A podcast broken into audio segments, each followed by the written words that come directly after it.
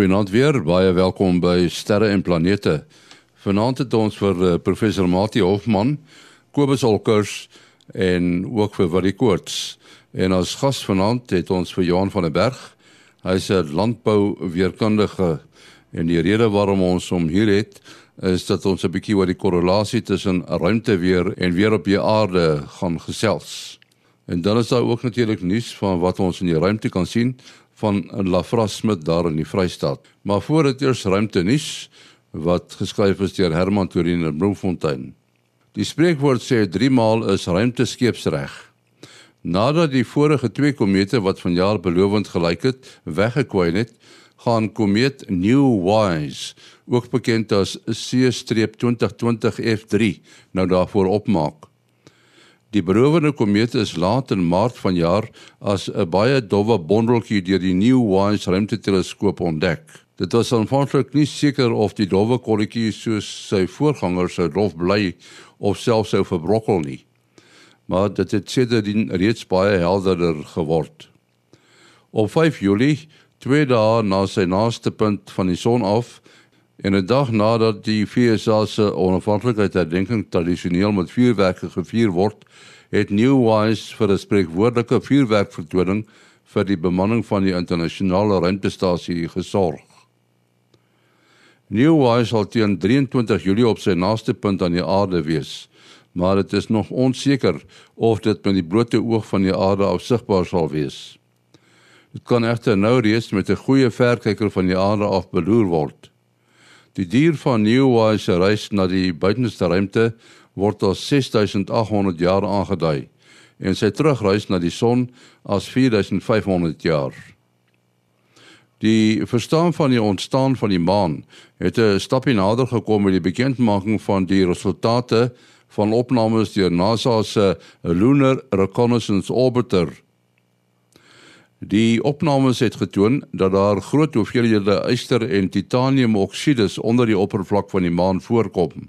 Dit blyk dat daar minder metale in die hoër liggende dele van die maan voorkom as in die laer liggende dele. Die navorsers het ook gevind hoe groter 'n impakkrater is, hoe meer metale kom daarin voor tot by 'n punt waarna dit konstant bly. Dit strook daarmee dat 'n kratergebied meer as een keer deur 'n ruimtevoorwerp getref is en dat daar in die proses dieper gedelf is. Tot dusver onderhewig aan sekere voorbehoude, strook die bevindinge met die huidige voorstellings dat die protoaarde miljarde jaar gelede deur 'n Marsgrootte voorwerp getref is en dat die maan uit die ruimte rommel wat die ruimte ingeskiet is ontstaan het. Die ondersoek wat nog net op die maan se noordelike halfrond gedoen is, sal nou op die suidelike halfrond herhaal word. Sover dan ruimtenis wat geskryf is deur Herman Torin in Bloemfontein. En nou gesels ons met Lafras Smit daar in die Vrystaat oor wat te sien is in die donker hemel bo ons. Goeienaand Henny en goeienaand aan al ons luisteraars. Kom ons kyk gou na die hoogtepunte vir Julie maand wat eintlik heeltemal oorheers word deur die planete Jupiter en Saturnus wat albei oppositie bereik. Oppositie is as die son, die aarde en die planeet in 'n reguit lyn lê met die aarde in die middel. Gewoonlik ook met oppositie is die planeet die naaste aan die aarde vir die jaar en kom die planeet op net as die son sak. Op 14 Julie is Jupiter in oppositie en bereik dit sy naaste afstand van 619 miljoen kilometer. Die 21ste is dit Saturnus se beurt op 'n afstand van 1346 miljoen kilometer. Dan 'n paar ander hoogtepunte. Die oggend van die 17de kan jy oos kyk waar Venus, wat nou weer ons oggendster is, 'n driehoek met die maan en die helder ster Aldebaran sal maak. Die oggend van die 19de is die maan naby Mercurius in die ooste en dan die oggend van die 2de Augustus is die maan weer naby Jupiter en Saturnus laag in die weste net voor sonop dan hoop ek daar was daar 'n paar mense wat gedurende die maand kon uitkom by waaroor ek laas maand gesels het. Deur 'n ster op te lyn met 'n baken en te kyk of dit elke aand op dieselfde tyd nog op dieselfde plek is.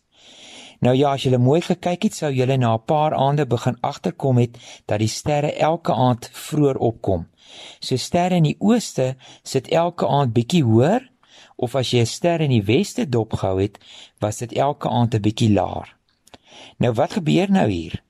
Wel, die aarde neem slegs 23 uur 56 minute en 4 sekondes om een keer in die ronde te draai. So as ons horlosies nie op 24 ure in 'n dag gewerk het nie, maar op hierdie 23 ure en 56 minute of sideriese tyd, dan het die sterre elke aand dieselfde tyd opgekom. So ons moet eintlik vra hoekom die son elke dag later opkom. Ons moet onthou terwyl die aarde elke dag een omwenteling maak, beweeg dit nog om die son ook. So is nie op dieselfde plek waar dit gister was nie. 'n Baie eenvoudige voorbeeld om dit te verduidelik is om dit te vergelyk met 'n fietsryer in die pad wat 'n meisie op die sypaadjie dophou. Na 10 trappe moet hy sy kop begin draai om haar nog steeds te kan sien en kyk hy nie meer voor hom in die pad nie so ook met die aarde elke dag nog 4 minute draai vir dieselfde plek om weer na die son toe te wys. Hierdie ekstra 4 minute gee ons dan die 24 uur of sontyd waarop ons horlosies werk. Nou ja, daar het julle dit. Tot 'n volgende keer, lekker opkyk almal. Ons sê baie dankie aan Lafra Smit. Johan, uh, miskien net om mee te begin, hoe lank is jy al met die weerdoenig? Ehm um, en nie omtrent vandat ek gebore is ehm um, in die 60er jare uh, ek het hier in die weste van Wes van Bloemfontein groot geword en dit was in die droogte jare en dit het my al beïnvloed. En toe het ek landbouweerkunde studeer by Koffsies en toe daarna van 1985 tot nou toe uh, in die veld van landbouweerkunde wat ek mee besig is. As mense praat van van weer dan dink hulle onmiddellik aan weer voorspelling. Maar dit is 'n baie wyeer begrip net soos jy gesê het dit is is is weerkunde nê. Ja, dis landbouweerkunde. Uh en en veral met die landbou gedeelte by is dit eintlik die koppelvlak van hoe die weer uh en die landbou bymekaar inskakel. Uh want ons kan net praat van van van die weer of weervoorspellings, maar uh die implikasie vir landbou kan verskillende betekenisse hê en dit is eintlik die veld waarop ek fokus is hoe om die die weergedeelte uh te interpreteer in terme van landbou. Uh 'n goeie reënvalvoorspelling is nie noodwendig 'n goeie landbouvoorspelling nie, omgekeerd. Kobus, jy daar in Florida kry ook seker dikwels vrae wat handel oor oor weer en ruimteweer. Ja, nee, nee, dit is dit is so, dit, dit is die die ding van die dag. Uh mense wil weet oor die weer. Die probleem is ehm um, jy weet wat ons ons weet nou al redelik goed dat die die son wel ons nie ons weet dit redelik goed nie ons is ons is beslis seker daarvan dat die son is die hoofverskaffer van energie in hierdie geweste van die heelal wat die son ook al vir ons gee is word uiteindelik geprosesseer in, in terme van energie wat by die aarde aankom en wat vasgevat word in ons oseane en in ons atmosfeer. En as ek nou kyk hier by ons in, in hier in Florida het ons uh, vreeslike korttermyn weervoorspellings wat ongelooflik akkuraat is en die rede daarvoor is is dat elke tweede uh dorp het sy eie radar uh stasie wat wat die wolke meet met die gevolg daarvan dat hulle vir jou in die volgende paar ure omtrent by die minuut kan sê uh hoe laat reën reën uh storm by jou gaan aankom en wat is die kanse van van dit uh, hoeveel duim jy gaan kry of hoeveel millimeter jy gaan kry en al die soort van goed. En dan natuurlik waar dit so 'n bietjie meer verder in die toekoms ingaan uh sien nou maar 5 of 6 dae in die toekoms en dan begin die mense maar platval. Want dit die weer is 'n ongelooflike komplekse komplekse ding. En as jy wil begin na seisonale voorspellings kyk uh dan wys vir my iemand wat vir jou 'n seisoen gaan voorspel en ek wys vir jou ou wat nie regtig weet wat hy doen nie of wat 'n Leonardus. Ehm um, dit is net dis is amper onmoontlik. Uh die die jy weet ons ons het hierdie uh, sogenaamde butterfly effek, die skoenlapper effek. Wat 'n werklikheid is. Jy kan el die weer is ongelooflik kompleks en uh, jy kan 'n klein jy kan 'n veldbrand hier hê op 'n plek wat nou 'n wolk beïnvloed met wat hom besaai met met met partikels en dan reën dit. Maar daai reën neem nou weer energie uit die ja uh, nie net nie net energie nie maar ook vog uit die atmosfeer uit en dit kan soos soos 'n klomp dominos vorentoe val dat jy oor 'n maand het daai ding nog steeds 'n effek maar jy weet nie regtig waar hy vandaan kom nie. So ek het verskriklik baie simpatie met Johan uh, wat nou nog boonop na 'n volgende vlak van kompleksiteit gaan wat uh, moet kyk nou wat is die effek fisies van die reën op 'n spesifieke plek of 'n spesifieke tyd. Ehm um, jy wil nie hê ongelooflike stortreën hê as jy besig is om te oes nie.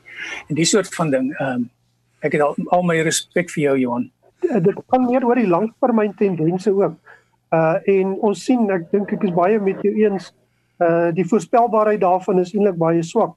En dis waaroor uh ek begin wegbeweeg van voorspellings meer na 'n risikoontleding. Wat is die risiko? Wat is scenario's wat kan ontwikkel? Uh want soos jy sê korttermynvoorspellings is al moeilik, maar seisoensvoorspellings is in baie gevalle om omtrent onmoontlik.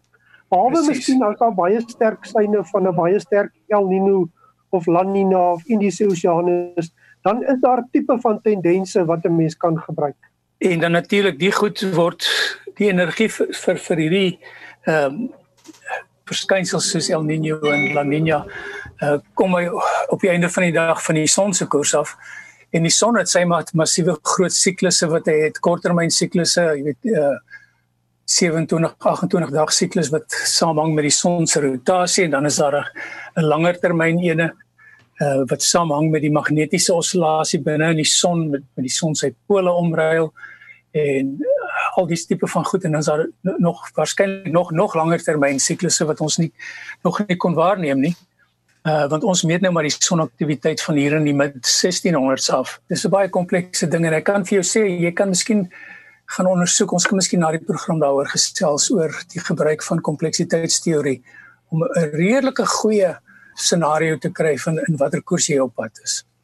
In die afgelope week uh het ons almal koue rillings gekry toe ons hoor van die vreeslike koue front wat aankom en nou moet mens weet hoe jy moet voorberei en die voorspellings het ge, gewissel van dis nou vir Bloemfontein -7 op die een voorspelling minus 4 op die ander en op die derde een het hy nie eers onder vriespunt gedaal nie.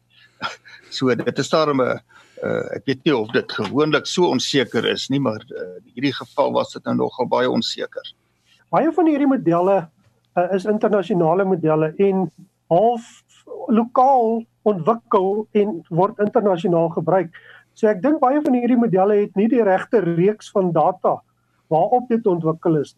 En ons ervaring is dat sekere van hierdie internasionale eh, web uh, adresse of webblaaie uh kan 'n mens in sekere tye van die jaar ook gebruik. 'n uh, 'n goeie voorbeeld as dit nog nie gereën het in die seisoen nie, is hierdie modelle omtrent almal baie verkeerd. En as dit eers die eerste keer gereën het, dan lyk dit asof daar iets in plek kom en uh dit reën makliker maar die voorspellings is ook beter. Uh so daar's maar 'n baie groot onsekerheid uh en dit wys maar net dat ons nog baie uh moet leer om hierdie modelle reg te kry uh sodat ons die regte insette kan insit. En uh, wat wat uh, Kobus nou gesê het in Amerika die baie radarstasies uh teenoor Suid-Afrika wat eintlik baie min meetstasies het uh wat ook nie vir ons die die opvolg soos wat die weerpatrone begin ontwikkel uh mooi in die modelle kan insit nie. So ek dink dit is ook 'n redelike groot leemte veral oor Suidelike Afrika uh dat ons nie genoeg inligting vinnig genoeg kan in die modelle insit uh om vir ons goeie voorspellings te kan maak. Ja, ek kan daar bevestig Johan, um, as ek kyk na my die eie my eie persoonlike sonvoorspellingsmodel wat ek deur jare ontwikkel het.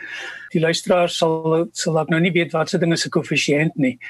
Die koëffisiënte bepaal ons deur huidige toestande, soos jy sê van radarmodelle verkry van uh, in die geval van my ruimte uh, uh ruimteweervoorspellings kyk ons na na intydse uh sonwindspoed uh metings. Ons kyk selfs na die na die rigting van die van die magnetiese veld van hierdie metings en ek gebruik al daai goed om twee keer per dag uh 'n stel koëffisiënte op te stel wat die model in die regte rigting trek. En as jy dit so byhou, dan kan jy ongelooflike goeie uh voorspellings maak Ehm um, myne was gewoonlik altyd hier binne, jy weet binne 'n halfuur korrek as een of ander verskynsel hier gaan aankom of begin gebeur. Maar die oomblik as jy nalat om jou koëffisiënte op te dateer uh, op 'n baie gereelde basis dan word jou model maar net nog 'n vergelyking wat wat eintlik nutteloos is. Soos 'n horlosie wat wat loop en 'n horlosie wat staan. Die horlosie wat staan is net twee keer op 'n dag reg. Kobus, wat is sogenaamde noctilucent clouds? Is dit nagwolke? Die die nagskynsels soos soos wat Mati dit so pragtig beskryf het. Ehm um, ja, dit is goed wat in die verre noorde uh van die van die aarde naby aan die noordpool van die aarde verskyn. Ek is nie bewus van enige van hierdie goed by die in die suidelike halfrond nie. Uh naby die suidpool nie. Iemand moet tog vir ons terugvoering gee. Mense wat nou by die suidpool was of hulle dit daar ook gesien het. Dit is amper iets in die in die familie van uh van uh die die aurora, die die noorderligte en die suiderligte. Ons baie hoë wolke wat wat energie kry van van die ionosfeer af en dan in spesifiek in hierdie tyd van die jaar sien ons dit redelik redelik gereeld. Daar's natuurlik nou weer 'n koerant in Engeland wat gesê het hierdie hierdie nuwe verskynsels wat die ou nou vir die eerste keer gesien het toe hy net sy oë opgelig het, het nou weer iets te doen met klimaatsverandering, maar dit is glad nie so nie. Ehm uh, ons sien dit elke jaar al vir die afgelope solank as wat ons dit kan waarneem hierdie tyd van die jaar gebeur dit. Uh, ons is nog nie presies seker wat die hoekom dit spesifiek seisoonaal is nie. Dit is 'n verskynsel wat ook te doen het met met energie wat van die son afkom en met uh die weer hierdie tyd van die jaar. Uh dit gaan natuurlik saam met ons ons groot storie wat ek nou weer 2 weke gelede van gelees het. Uh dat ons moet nou weer begin die, alles wat ons gedoen het om van die gat in die korona ag nee in jou soonlaag ontslaat raak het nou gewerk en ek het dit nou al 4 keer gehoor oor die afgelope eh, meer as 50 jaar. Ehm um, elke keer as ons by 'n sonminimum kom dan maak die gat in die korona uh, in jou soonlaag toe.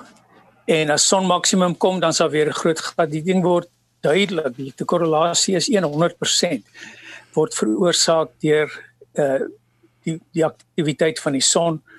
Uh ons het die koronale korona oorval wat in die noord en die suid uh, pool van die son kom dis waar die aarde se se magneetveld as mens nou 'n staafmagneet sou visualiseer wat binne in 'n tennisbal sit dan sal jy die veld van die staafmagneet daar van die noordpool af sal nou uitkom deur die oppervlakte van die tennisbal. En in die geval is die tennisbal die aarde en die in die staafmagneet is die is die magneetveld binne in die aarde. En daai vorm altyd so so corona so 'n valvormige plek waar ons altyd die eh, die noorder en suiderligte sien. En dit gebeur soos ek sê elke 11 jaar. As die son aktief is sien, ons die gat in die korona laag en en uh, mense wil maar net nie leer nie. Elke 11 jaar dan dink hulle dis 'n groot krisis en almal moet begin snaakse chemikalieë gebruik. Uh, en nie, net om aan te sluit by Kobus 'n baie interessante aspek van hierdie uh, bepaalde wolke uit nou genoem dat hulle baie hoog gevorm word uh, tot 80 km en daarso is die atmosfeer baie dun en die uh, baie bietjie vog wat daar is uh, kondenseer nie sommer maklik nie maar ek uh, sien hulle sê dat meteore en dan die die rook die klein deeltjies wat daar agtergelaat word soos dat hulle nou uitbrand in die atmosfeer uh dan help kan help om kondensasie uh laat plaasvind en uh, omdat dit so koud is uh vorm dit daarom sommer gou uh, uh, gaan dit oor in die bevrore toestand. Nou wonder ek nogal of as daar nou baie uh, sê nou maar 'n meteore reën of meteore storm is of dit al opgemerk is dat daar meer van hierdie wolke is. Dis nou in daai gebiede waar mense hulle wel kan sien. Ja, dit is nie heeltemal my veld van navorsing nie, so ek kan nie vir jou 'n goeie antwoord gee nie, maar wat ek wel weet is as soos jy nou wel uh, gesê het, uh, dit dit vorm aan die onderkant van die ionosfeer. Uh die ionosfeer begin in daai in daai geweste. Mm, mm. Ehm um, so dit is dis deel van wat van bo af van die ionosfeer afkom. Dan sien ons hierdie kondensasie van van vog en dan kan ons natuurlik omdat hulle so baie hoog is, weerkaats hulle die son van 'n baie jy weet die die die son is nog ure weg en dan weer dan sien hy reeds die son. Ja, nou heeltemal 'n ander onderwerp. Uh, Wil jy ken jy vir Clyde Foster? Ja, ja, ons het al ontmoet by uh, Scope X. Um vreeslike interessante uh, man en en hy doen ongelooflike uh um uh skerp foto's van veral van die planete mense wat op die uh Facebook groep is sal sal sy foto's sien. Hy is ook op 'n hele paar ander uh van die Facebook groepe waar waar ek net ander mense se wonderlike foto's 'n bietjie bewonder en en dink as ek eendag groot is gaan ek ook sulke foto's seker kan neem. So Clyde het, het hier 'n ongelooflike um um dit dit is 'n klompie toevallighede en wat ook al. Hy het op die die oggend van die 31ste Mei uh uh so wat se net oor 'n maand terug het hy weer eens uh vir Jupiter afgeneem. Jupiter sit ons nog baie mooi geplaas vir vir uh observasies op die stadium. Ehm um, ja, hy hy bly daar in in Centauri. Toe sien hy hier is 'n hier is 'n kolletjie wat ons almal ken, die die groot rooi kol en ehm um, en dan so eentjie onderkant die rooi kol hardloop daar 'n streep waar jy ook sulke noem dit noem dit nou maar vulkane kry, maar tussen die twee uh nie baie ver van die groot rooi kol af nie ontdek hy toe 'n 'n kolletjie. Hy's nou nie rooi nie, hy's nou so wit, maar jy kan duidelik sien dis 'n taamlike storm wat daar aan die gang is. Ek meen tipies is 400 km plus winde wat wat op Jupiter waai. En hy het dit natuurlik toe nou soort van bekend gemaak vir die wêreld. En um nou 'n paar ure voor dit in Australië uh, uh waar daar 'n soortgelyke Clyde Foster sit en nog iemand wat net sulke wonderlike foto's neem. Um het toevallig ook uh, vir Jupiter afgeneem en die kol was nie daar nie. So die kol het intussen in daai paar uur wat uh wat die aarde omgedraai het om van Suid-Afrika na Jupiter se kant toe te wys, het die het die kol ontwikkel. En um om dit nou nog meer interessant te maak, uh die Juno's uh, uh ruimtetuig is op die oomblik nou al sedert 2000 11 of iets as ek reg het is in 'n wentelbaan om Jupiter en uh, neem die fantastiese fotos. En sy baan is 'n baie elliptiese baan en um, dit vat iets soos 53 dae om een een omwenteling te voltooi. En dan gaan vlieg hy styf styf styf verby Jupiter neem dan 'n reeks fotos en dan en dan gaan weer aan in sy baan. Dis toe nou 2 dae voor uh Juno weer naby Jupiter sou verbyvlieg. Omdat Juno so naby aan Jupiter verbyvlieg, uh, uh, kan eintlik net 'n strook van die um van van, van die planeet afneem. Dit sou amper soos 'n soos 'n troufotograaf as die hele familie daar staan met 'n ander lens opsit of hy moet verder terug staan. Nou Juno kan nie 'n ander lens opsit nie. So maar maar, maar Juno vlieg baie baie na aan Jupiter verby. So kan net 'n 'n reeks fotos neem. En ehm um, oorspronklik sou dit noem dit maar Clyde se spot uh, wat sy naam toe nou intussen gekry het sou dit gemis het. Maar uh, die operateurs by uh, uh, by NASA wat uh, die Juno ruimtetuig beheer uh, het toe spesifiek te hore gekom van Clyde Spot en hulle het ook dit so genoem wat natuurlik vir hom bitter trots gemaak het want skielik word hier 'n Suid-Afrikaner erken vir vir iets wat op Jupiter en hulle kon toe hulle kameras draai sodat die uh, you know uh, ruimtetuig dit kon afneem. Ja, so dis nou 'n uh, lekker meevallertjie hier vir Suid-Afrika en en vir Clyde wat al jare hierdie ongelooflike fotos neem om nou om nou sommer deur NASA se you know span uh, geerken te word. Ja. Hy hy doen hierdie waarnemings met groot toewyding van sy eie uh, sterrewaggie daar in sy agterplaas. Nou sit ek hier na die Juno foto en kyk. Uh nou die dit is 'n groot stelsel. Uh ek weet nou nie toe ek groot geword het, toe hulle gesê die recall uh, drie maal die deursnee van die aarde. Nou hy het intussen hmm. kleiner geword. Uh waar trek hy nou? Sal ons nou maar sê ongeveer nog soos die aarde. En die Clyde se spot moet uh, as ek nou skat is ongeveer 'n kwart in deursnee van uh van die recall. So ons praat van iets wat maklik 1000 km in deursnee kan wees. Hmm, uh kontinent so kontinent. Ja, ja, maklike kontinent en en hulle sê dit is materiaal wat dan nou deur daardie weerstorm uh weerstelsel tot bo die res van die wolke uitgestoot het. Uh, stoot is nou weet ek nie uh uh of mens nou soortgelyke of analogiese verskynsel aan die aarde kry dat jy nou 'n weerstelsel het dit is seker maar soos 'n 'n sikloon, stelsel wat hmm. rond te draai wat dan hmm. nou materiaal baie hoog opstoot. Ja, ek kan miskien net sê want ons het nou amper die einde van die program bereik dat ons gereël het dat uh, Clyde volgende week ook deelneem aan uh, sterre en planete en dan kan ons so 'n bietjie agter die kap van die byl kom om te hoor uh, watter tegnieke hy alles gebruik en hoe hy afgekom het op hierdie kolletjie. Uh ons moet afsluit. Uh kan ons eers hoor uh, Matie jou besonderhede. Alfoon nommer 0836257154. 0836257154. En dan Kobus? kobusvolkers@gmail.com dis k o b u s o l c k e r s by gmail.com en Willie is 0724579208 0724579208 En Johan, wil jy uh, kontak besonderhede gee? Ek kan myself vir nommer gee is 082 37 44 692. Sê hom weer. 082 37 44 692.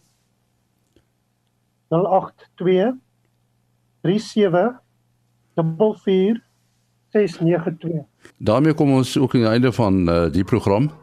Uh as u aan ons wil skryf, is u baie welkom by die volgende adres: sterreplanete@gmail.com. sterreplanete@gmail.com. Tot 'n volgende week. Mooi loop.